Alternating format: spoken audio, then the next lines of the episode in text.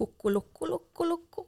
Er du klar til å si kokoloko, Daniel? Jeg, jeg er klar til å si kokoloko, kokoloko, men jeg tror ikke jeg har lyd på min bil. Har ikke du det? Kokoloko-loko. Kokoloko-loko. Nå hører jeg kokoloko. Ja.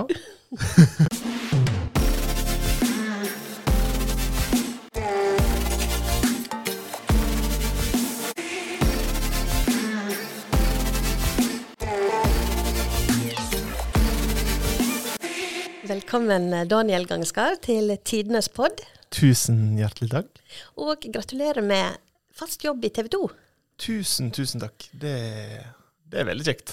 Ja, det er ikke så lenge siden det, den nyheten kom. Nei, det er bare noen uker siden. Um, og jeg var jo, jeg trodde jo ikke jeg skulle få den jobben sjøl, så jeg holdt jo på å snakke meg vekk fra jobben når, når, jobbtilbudet, når jobbtilbudet kom. Så det kom litt så sjokk på, på meg òg. Men hvordan snakka en seg vekk fra en jobb? Nei, sjefen min ringte meg. Jeg satt på jobb den dagen også. Hadde tidlig vakt og jobba med Økonominyhetene. Jeg har vært i TV 2 i snart tre år. Og da har vi et system i mediebransjen som heter lufting. Du må enten bli fast ansatt etter tre år, eller så må du finne deg noe annet å gjøre på. Så da satt jeg på jobb den dagen, visste at eh, nå var jeg begynte å nærme meg. Eh, og så hadde jeg søkt meg jobb i TV 2. Har ikke hørt noe. Folk på jobb går og snakker om ja, men jeg hørte de forhandlinger med en. De, oh. de begynte å forhandle med en, og jeg har ikke hørt noe. Nei. Og jeg går jo Da, da ble jeg veldig sånn og begynne å tvile. Så da går jeg hjem igjen, legger meg på sofaen og er litt sånn ah, Hva skal jeg gjøre nå? Må jeg flytte fra Bergen? Hva skal skje? Og så ringer telefonen. Og så begynner han, og så sier han litt sånn Ja, hei, det, det er Chris Ronald sier han. Og før han da har fått begynt på neste setning, så begynner jeg på en to minutters monolog med Du trenger ikke å si noe. Jeg veit hvorfor du ringer. Du ringer for å ønske meg bedre lykke neste gang. Du ringer for å si dessverre, denne gangen her var ikke du som fikk jobben, og holder på sånn i to-tre minutter. Skal ta meg en pustepause. Og da sier han hvis du for en gangs skyld klarer å holde kjeft, Daniel, så skal du få et jobbtilbud. og så likevel begynte jeg, var på vei inn på en sånn her Det har vært kjekt å jobbe i TV 2-type forklaring. Og så, så gikk lyset opp for meg til slutt, og at eh, jøss, han ringte jeg skulle tilby. Så det var, det var veldig kjekt. Ja, det tviler jeg ikke på. Eh, Men jeg så jo for meg når du var yngre, så var jo du veldig aktiv i politikk. Mm. Så jeg så jo for meg kanskje en sånn statsminister Gangeskar. Gangskar 1-regjeringa, det, det er noe over den eh, klangen der. Men hvordan enda du opp i TV 2, da? Reine tilfeldigheter. Um, jeg flytta til Bergen for Oi, det begynte å bli sånn siden åtte år siden snart. Det er vel eh, åttende året jeg går inn på nå i 2023. Og da eh, begynte jeg i studentradioen i Bergen. Jeg syntes det var vanvittig moro å holde på med. Så jeg drev jo med det samtidig som jeg eh, var politiker her i da gamle Vågsøy kommune og i Sogn og Fjordane og, nasjonalt for Unge Venstre. Og så kom jeg vel bare til et punkt der jeg ble litt ja, lei politikken, på en måte. Det føltes ikke ut så det var jo litt den tanken jeg òg hadde sjøl, at det var politikken jeg ville leve av. Og jeg studerte sammenlignende politikk og, hele dette opplegget der, da. Men så, så um, ble det vel til at via den studentradioperioden syns jeg det var noe av det morsomste jeg har drevet med i hele mitt liv. Det å lage podkaster er så gøy. Og det gir så mye. Så jeg jobba jo et år også som daglig leder i, i studentradioen, den type ting. Og så begynte jeg på et masterstudie um, i undersøkende journalistikk, for da hadde de sagt ja til at folk med erfaring fra studentmediet også kunne få komme inn. Så var jeg der et halvt år, og så fikk jeg spørsmål kan du tenke deg å prøve deg da som, som timevikar i TV 2. og Jobbe litt sånn helger og når det ikke er nødvendig. Og dagen jeg da er ferdig med opplæring, er jo dagen landet stenger ned. Ja. Det var veldig rart. Det var veldig spesielt. Um, og uh, ja, nå hører vi det slår godt mot ruta her med, med snøven. Um, så da, da begynte jeg der, og det gjorde jo òg at jeg fikk jobbe nesten 100% fra dag én. For det var jo så mye å måtte forholde seg til, og vi visste ikke hvordan dette kom til å påvirke. Om vi måtte ha liksom alle mann på dekk til enhver tid. Mm. Så jeg fikk veldig tidlig begynne å vise meg. og fra jeg har kommet inn i TV 2, så har jeg aldri angra på, på den veien i det hele tatt. Jeg koser meg så vanvittig på jobb. Det er noe av det kjekkeste jeg har gjort. Så med rene tilfeldigheter, rett og slett. Ja. Nå fikk jeg jo litt flashback når snøen står på og sånt. For da så jeg først snøen, og så så jeg på deg, og da tenkte jeg på et sånt klipp der du står i dritvær. det kommer sånn. Er det sånn at du gleder deg til storm og uvær og den type oppdrag? Det betyr jo mye TV-tid, da. Så Nei, vet du hva. Eh, Det er blitt en running joke i TV 2, det. At eh, når dritværet kommer, da eh, da er det jeg som sendes ut. Da sender vi ut Daniel. Da sender vi Daniel, og det tror ikke jeg er tull. Jeg tror de syns det er vanvittig gøy også, for jeg er jo ikke en person som ja, hva skal man si, eh, man nødvendigvis tenker skal være i den type situasjoner. Jeg er jo et hverdagsdyr og et, eh, et, en livsnyter, som min svigermor kaller meg. Ja. Så jeg tror de koser seg veldig når de ser at jeg er fordrukken våt på eh, for drukken er jeg jo ikke. Jeg er jo eh, i så tilfelle drukna, en drukna katt som står nede på Bryggen i Bergen og rapporterer om været. Ja. Eh, og der har skjedd mye rart, med lamper som har flydd og Ja, det har vært eh, Men det er kjempegøy. Det er noe med uvær som bare er så moro å gjøre og jobbe med, og jeg veit at de der hjemme også får seg et godt flir når de ser meg i TV-ruta, og hvor ukomfortabel jeg egentlig er i den type Ja. situasjoner. Og så er det òg fascinerende hvor folk er opptatt av dette med været.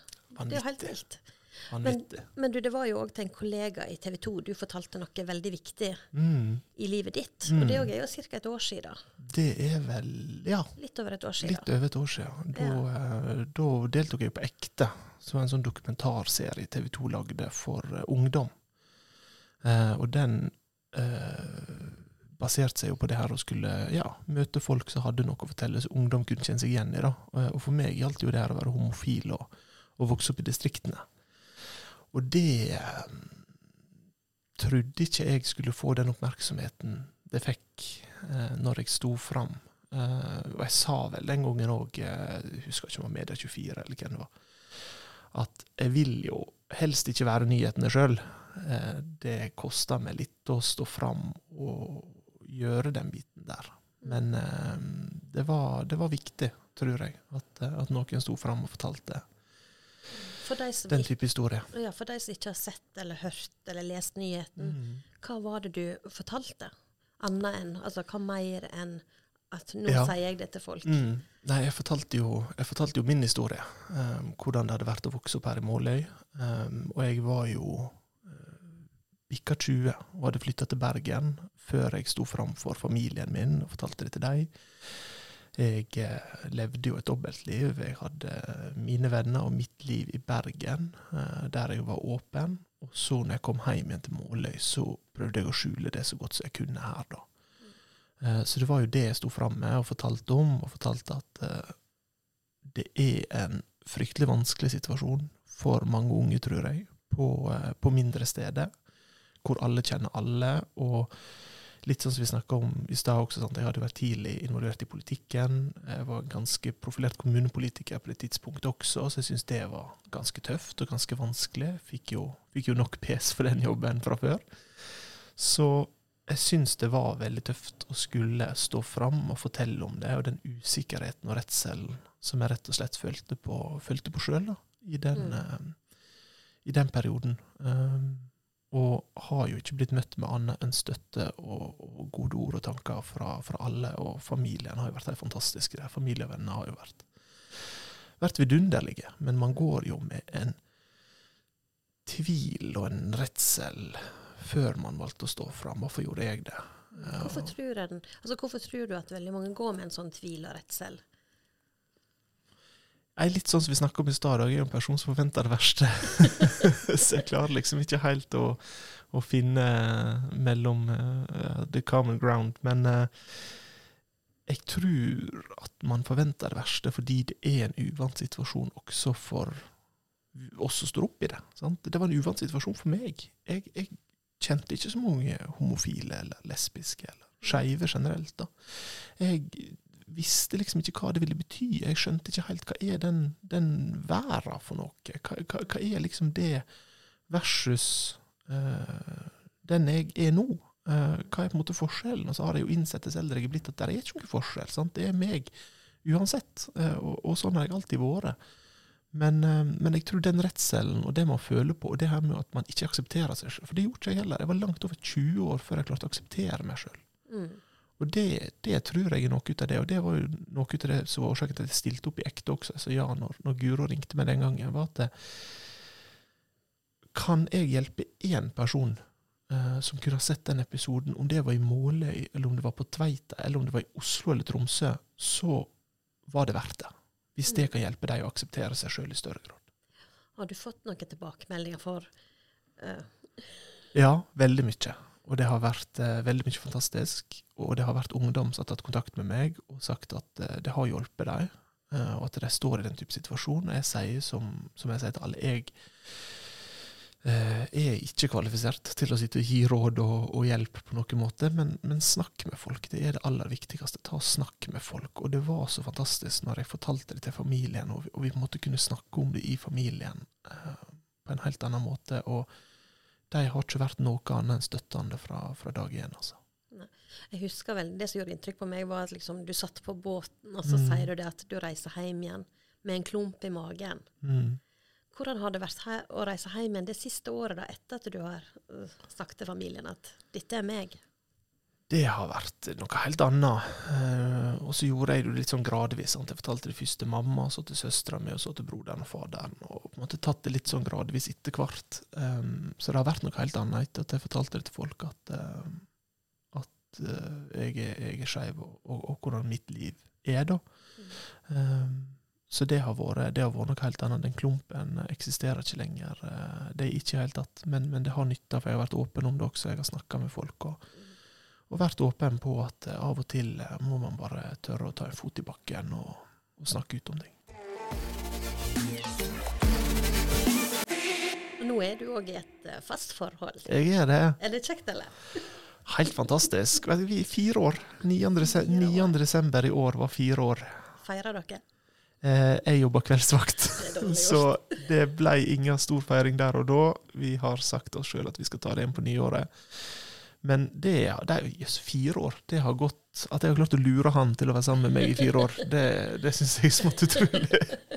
Nå snakker vi vel litt ned oss sjøl, pisker oss på ryggen litt. Men hva, siden du da har snakka ned deg sjøl, Mm. hvordan kan du snakke opp han? Altså, hva, hva er det som er gode kvaliteter med kjæresten din? Å, Jørgen er verdens mest fantastiske fyr, på alle mulige måter. Han er Altså, jeg tror alle kjenner den å ha den her dagen som er bare litt sånn grå og tøff, uten at du nødvendigvis veit hvorfor han er grå og tøff.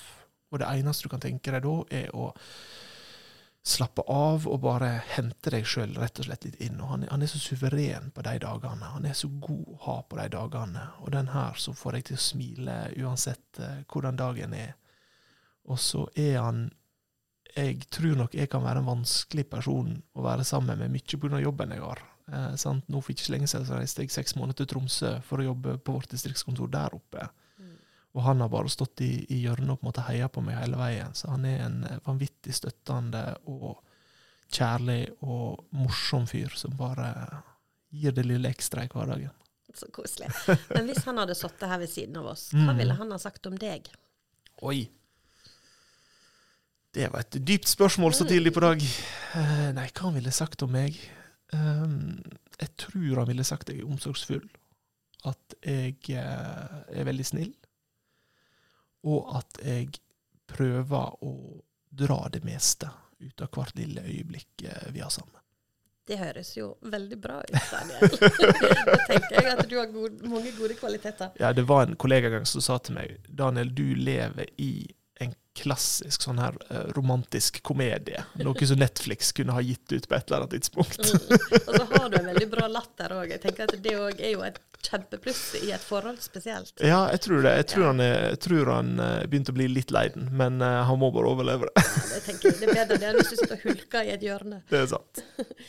Men eh, jeg håper å si fra ei legning til ei anna, men det, eh, dere er jo en fotballfamilie. Ja, nice Segway. Nice Segway. Jeg har ikke lyst til å si fotballidioter, men, Men det er vi jo. Er, ja. Det er vi jo. er, kan vi være ærlige om Ja, det? vi kan være helt ærlige om det.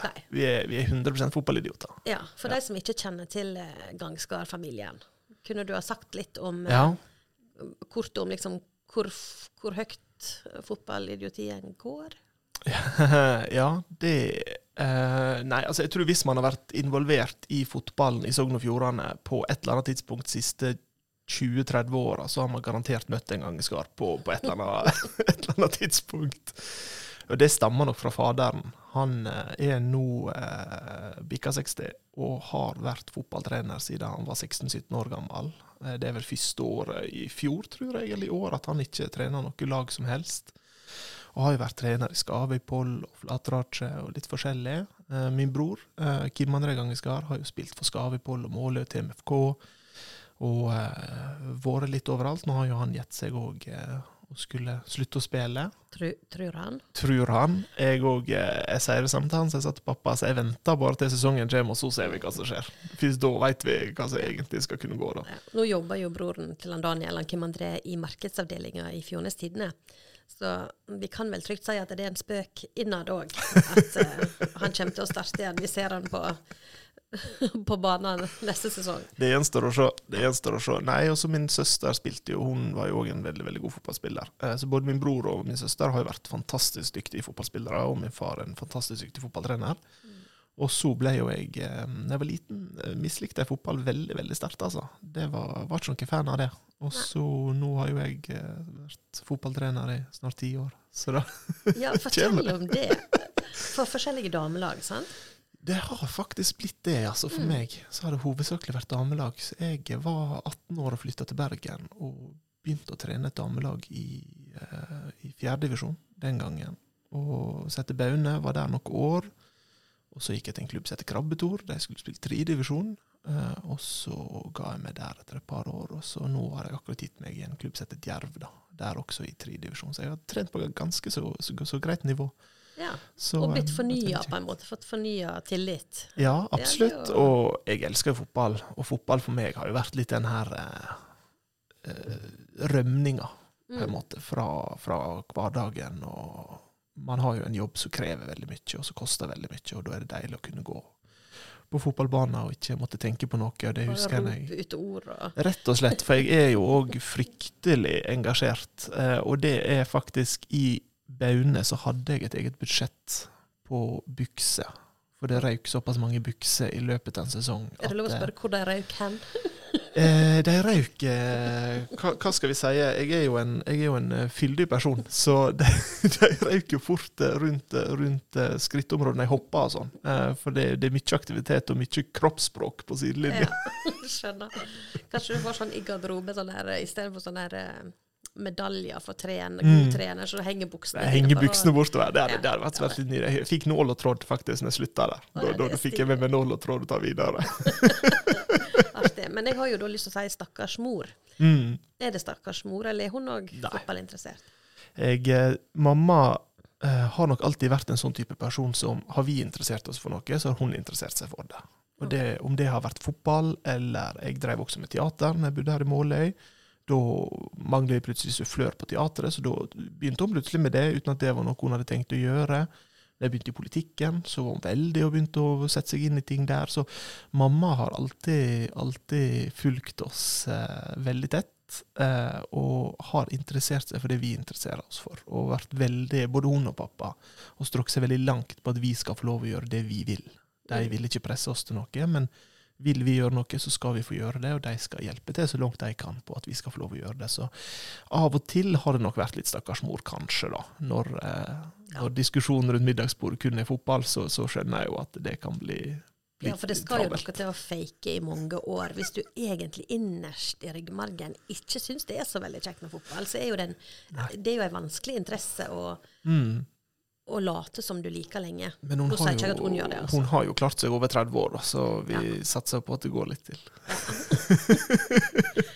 Men da forstår jeg òg at du har en heiagjeng, sånn Mm. i privat og eh, på jobb. Ja, Ja, veldig. at jeg syns det er stas å se deg på i, i TV-ruta. de gjør det, og det syns jeg er veldig veldig koselig. Jeg syns det er like kjekt eh, den dag i dag, etter å ha vært noen år i TV 2 og gjort, gjort en del ting. Så syns jeg fortsatt det er like morsomt når mamma sender melding og bare 'Å, så det på skjermen i dag', ja. Det er hva- rart med det. Hva er liksom eh, favorittoppdraget dine? Altså, hva syns du er mest spennende? Ja, det er et veldig godt spørsmål. Um, TV 2 er jo ei veldig flermedial bedrift. Altså vi, vi er jo på nett, vi er på TV, vi er på sosiale medier. Eh, man skal gjøre så mye forskjellig. Eh, og jeg syns jo det er gøy med litt av alt. Når det gjelder historier konkret, så syns jeg det er like givende for meg om det er en stor værsnyhet, eller om det er en liten nyhet som er viktig for akkurat de det gjelder. Så akkurat der har ikke noe forskjell, men hvis jeg får lov å gjøre noe som jeg virkelig liker, så syns jeg alt sammen er live å gjøre, er gøy. Det å være direkte. Og det er fordi det skjer her og nå. Jeg kan ikke sitte i et redigeringsrom etterpå og pusse på noe. Det skjer akkurat her og nå, og that's it. Eh, på direkte så skjer det vel òg noen tabber. har du hatt noen tabber som du husker? Ja, det har jeg hatt. Um, den verste uh, Eller verste, det er ikke det, men den, den som er klarest med Jeg har jo en, en vanvittig fobi mot fugler. Du, det så jeg. Det var Mm. gøy. Det, ting jeg angrer på å ha laga, det er den reportasjen der, blant annet. Fordi at Jeg tror det er det eneste folk husker meg for i Tromsø, etter seks måneder. Som eneste TV 2-reporter i området. Så det var due, den- det. Så du var. Det var du. Nei, jeg er alt av fugler. Så lenge det har venge og nebb, så, så er det, får ikke meg i nærheten. Så dere har aldri hatt en undulat? eller- Skjer ikke heller. Det skal ikke, det skal ikke komme innom husets fire vegger. Men da husker jeg påske for det blir to år siden. Så sto vi på en innendørs liten dyrehage som er laga i Bergen, eh, på, på Montelabo. Og så var det jeg ikke var klar over, var at fuglene der de flyr fritt. Og her skulle vi direkte. Eh, og det skulle være litt sånn feel good påskestemning, og ting du kan gjøre i byen når det er påske, og litt sånne ting. Da. Så jeg tenkte ja, det er gøy oppdrag å gjøre, og litt sånn koselig. Og se på noen dyr, og ferdig, liksom. Og så kommer vi inn, og så er det sånne her små parakitta-opplegg som flyr rundt der. Så tenkte jeg OK, jeg skal klare å bite i meg til at vi skal Og vi skulle være ganske lenge på lufta. Jeg tror det var seks minutter vi hadde fått avsatt.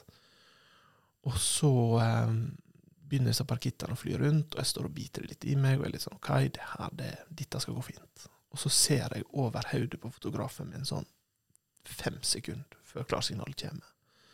Og da ser jeg den største fuglen jeg noensinne har sett. Altså, Han var sikkert ikke så stor, men han var svær. Han var ganske stor, han var større enn ei due. Eh, og, så, ble jeg litt, fikk jeg litt pekken, for å spørre du, kan denne fly, eller hva er greia, liksom. Og bare, ja, ja, jeg ble litt sånn Kan jeg, kan hende det var en sånn som bare gikk på bakken? Altså, hvem vet? Og så sier hun ja, det gjør han, han er ganske aggressiv, så han må dere være litt forsiktige med. Og, da, og så hører jeg på øret. Der er vi på, vær så god, take it away. Og jeg står og ser på denne fuglen og får så pekken. Og så tror jeg han merker det, så han begynner jo å fly litt. Og det var tydeligvis ikke så vanlig da, at han flydde så masse. Han satt nå hovedsakelig oppå den hylla si. Og så han begynner å fly, og jeg kjenner det slår vengene i nakken på meg når han bare flyr forbi meg. Og vi står og ser på noen skjelpadder, tror jeg det er. Og jeg har dessverre ofte et språk som ikke nødvendigvis gjør seg så godt på TV, så jeg skal jo begynne på eh, ordet som begynner på hel. Eh, klare å stoppe på hel, og oversette det her til Hellandussen, så søte disse her var. Som er Hellemåne, tror jeg faktisk kanskje at jeg sa. Eh, som er et ord jeg aldri har sagt før. At jeg har aldri sagt det etterpå. Og dette skjer opptil flere ganger gjennom denne leiven. Og du ser frykta i øynene på meg når vi er ferdige der. Og jeg kom tilbake på kontoret, og de satt og lo så de holdt på dette av stolene. Og dette her gikk jo på repeat hele dagen. For det er, det er en mann med full panikk som prøver å holde seg eh, Prøver å holde igjen det verste han har av vokabular. Jeg hører du sier at du har det bra i TV 2, men jeg føler at det er litt mobbete. Det er, vi har litt sånn stemning, eh, og så uh, framstiller jeg nok veldig dette som offerrolle akkurat nå. Jeg skal vel innrømme at jeg ikke er bedre i motsatt ende. Det er jeg jo fort ikke.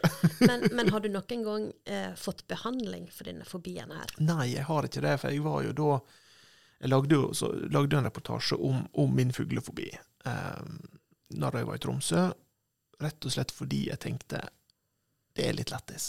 Og så begynte jeg å google på det, og så fant jeg ut det er jo blant de ti mest vanlige fobiene. Og da snakka jeg jo med en psykolog i forbindelse med den saken.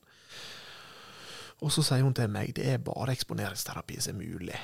Og jeg tenkte med meg sjøl det skjer ikke. Det skjer ikke. Sjøl om jeg klarer å bli kvitt den frykta, så kommer jeg aldri til å gå til det stadiet og faktisk sette meg i et rom med fugler og ha ei papegøye på skuldra, eller nei. Nei. Nei. Men Jørgen, da, hvis han hører på. Mm. Nå har du ei oppgave. Ring fastlegen til Daniel. Si hva det er gjelder. Han kunne, han kunne gjort det. Han kunne ha gjort det på pur F eh, og, og funnet ut eh, eksponeringsterapi for meg. For det er jo, hvis vi går på gaten i Bergen, og der er- står en stor dueflokk, jeg tar jo tak i han og dytter han foran meg, Men jeg tenker at det er jo og han må rydde vei. Du bor i en by der Mm. det er ganske mange duer. Absolutt. I alle byer i verden, Daniel, er det Mm. fugler. Helt korrekt.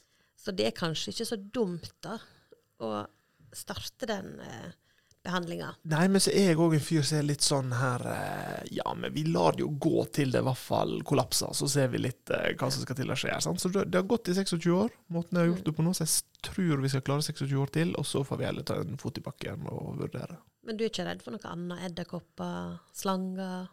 Nei, hjemme hos oss er det jo jeg som må ta edderkoppene når de kommer i hus, så han har jo ting han er redd for, han også, heldigvis. Ja. Eh, jo, altså, det er jo ting, andre ting jeg er redd for. Sånn. Jeg er jo en um, Jeg kan vel være en litt engstelig person, sånn på privaten. Jobbsammenheng er ikke særlig engstelig, men jeg kan være litt sånn engstelig i, på privaten. Så litt sånn der å, å fly, for eksempel. Jeg er ikke så veldig glad i det heller. Så jeg flytta til Nord-Norge og skulle dekke Troms, Finnmark og Svalbard, så flydde jeg jo nesten daglig. Ja, men det har jo litt med fugler å gjøre, det òg. Eh, I hvert fall høgde. Ja, vinger. Jeg ser er heldigvis ikke, heldigvis ikke vingene i seg sjøl jeg er redd. Det er ikke sånn at jeg ser en vinge, så begynner jeg å, begynner jeg å kaldsvette. Du, I tillegg til tabber så hadde jeg òg tenkt å spørre deg om ting som gjør inntrykk i Mm. jobben. Og da veit jeg det at uh, ganske raskt etter at du fortalte om deg sjøl og at du var homofil, så skjedde det noe i jobben som satte litt spor. Ja, det var jo tidligere i år.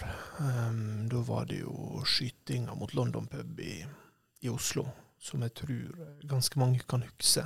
Um, og jeg var jo i Tromsø på det tidspunktet, og våkna den natta Beklager. Våkna den natta av eh, Jeg vet egentlig ikke hva det var, men jeg våkna sånn i fire-fem-tida, litt sånn unormalt, eh, og ser på telefonen min, den nesten rødglødende push-varsler. Så ser jeg skyting i Oslo, så jeg var ute med en gang, på med TV-en for å se hva er det nå som skjer. Og så så jeg, så jeg at det var den skytinga mot London pub, og da ble jeg jo flydd fra Tromsø til Oslo for å være utegående reporter og dekke, dekke det senteret. Så jeg sto på Rådhusplassen den eh, dagen etterpå. Dette skjedde underveis i, i Pride-markeringa. Pride skulle jo teorien begynne da, eh, den, den dagen.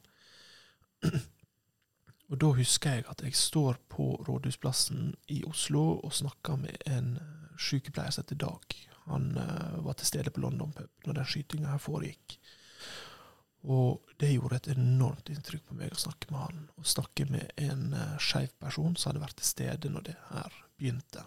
Uh, og det var litt sånn som jeg også snakka med sjefen min om før jeg reiste, og sa dere må vurdere om jeg er for nærme det her eller ikke. Men som en skeiv person sjøl så følte jeg jo veldig på det. Jeg kjente jo veldig på eh, det som hendte, og det vi visste på det tidspunktet. da. Eh, nå er det jo ikke noen dom i saken, så vi veit jo ikke om det her 100% har vært et angrep mot skeive, eller om det er et tilfeldig angrep som bare har Mm. råka skeive, eller hva det har vært. Men, men eh, det gjorde et enormt inntrykk, og, og jeg husker Eller jeg har mye jeg og Jørgen har snakka mye om det. Og sånn som London pub er jo, er jo også en pub jeg har mye kjennskap til når jeg har reist mye til og fra Oslo.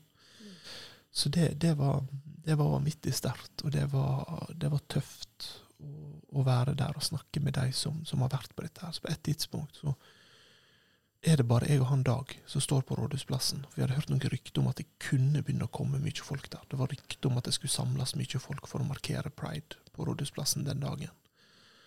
Og når han har gått hjem igjen, så står jeg og fotografen min igjen, og så liksom, vi venter. Vi ser hva som skjer. Så bare begynner det å komme mer og mer og mer. og mer og mer. Til slutt er det tusenvis som er samla på Rådhusplassen i Oslo. Og så snakker jeg litt med folk der, og vi er inn og ut, og vi er på hele tida. Og da går du veldig i et jobbmodus. Du klarer å stenge alt ute. Eh, og det må man i en sånn situasjon. Og så i ett øyeblikk så tror jeg at jeg bare blir litt ja, hva du kan si, uoppmerksom. Det jobbmoduset, det forsvinner litt. Så jeg ser noen gutter som står på ei trapp og holder rundt hverandre og gråter. Og da eh, Jeg ligger alltid igjennom, så jeg kan alltid snakke med vaktsjef og produsenter, eh, sjøl om jeg ikke er på TV.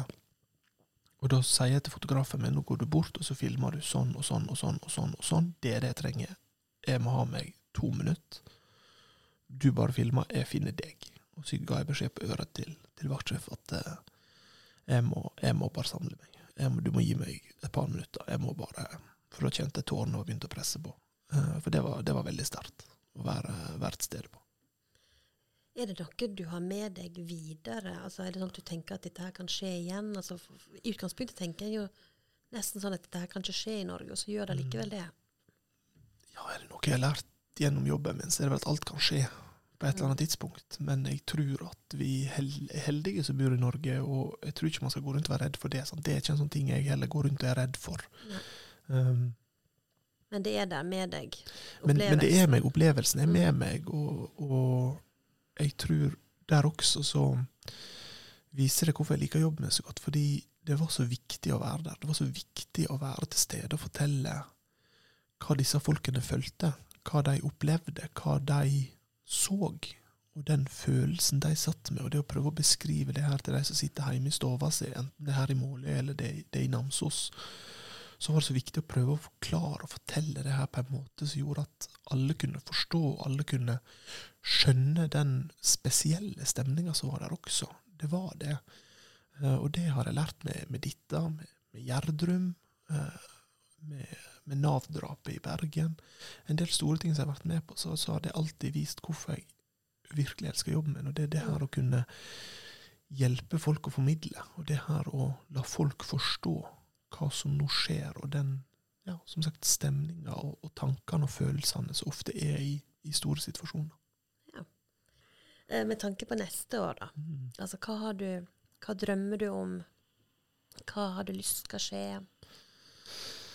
Jeg skal være ærlig og si jeg er ikke noen sånn stor drømmer. Eh, Det har nok mye med å gjøre at jeg er ganske realist. Eh, Så vet du hva, det jeg drømmer om i så tilfelle, er rett og slett et 2023 som blir eh, Som blir bra. Som blir godt med familie, med venner, med latter og god drikke og god mat. og God snus? God snus, ikke minst god snus. Og det er egentlig, altså for meg er det mm, perfekt, hvis jeg Ja. kan få det. For det, det er litt derfor jeg nyter å være hjemme nå i jula. Og jeg trenger ikke å forholde meg til noe. Jeg kan bare være med familie og, og nyte livet. Men da ønsker jeg deg, Daniel, med beina på bakken, ei god, litt mindre, et godt, litt mindre engstelig og helt totalt fuglefritt 2023. Det hadde vært deilig. Tusen takk for at du kom i studio. Tusen takk for at du fikk komme.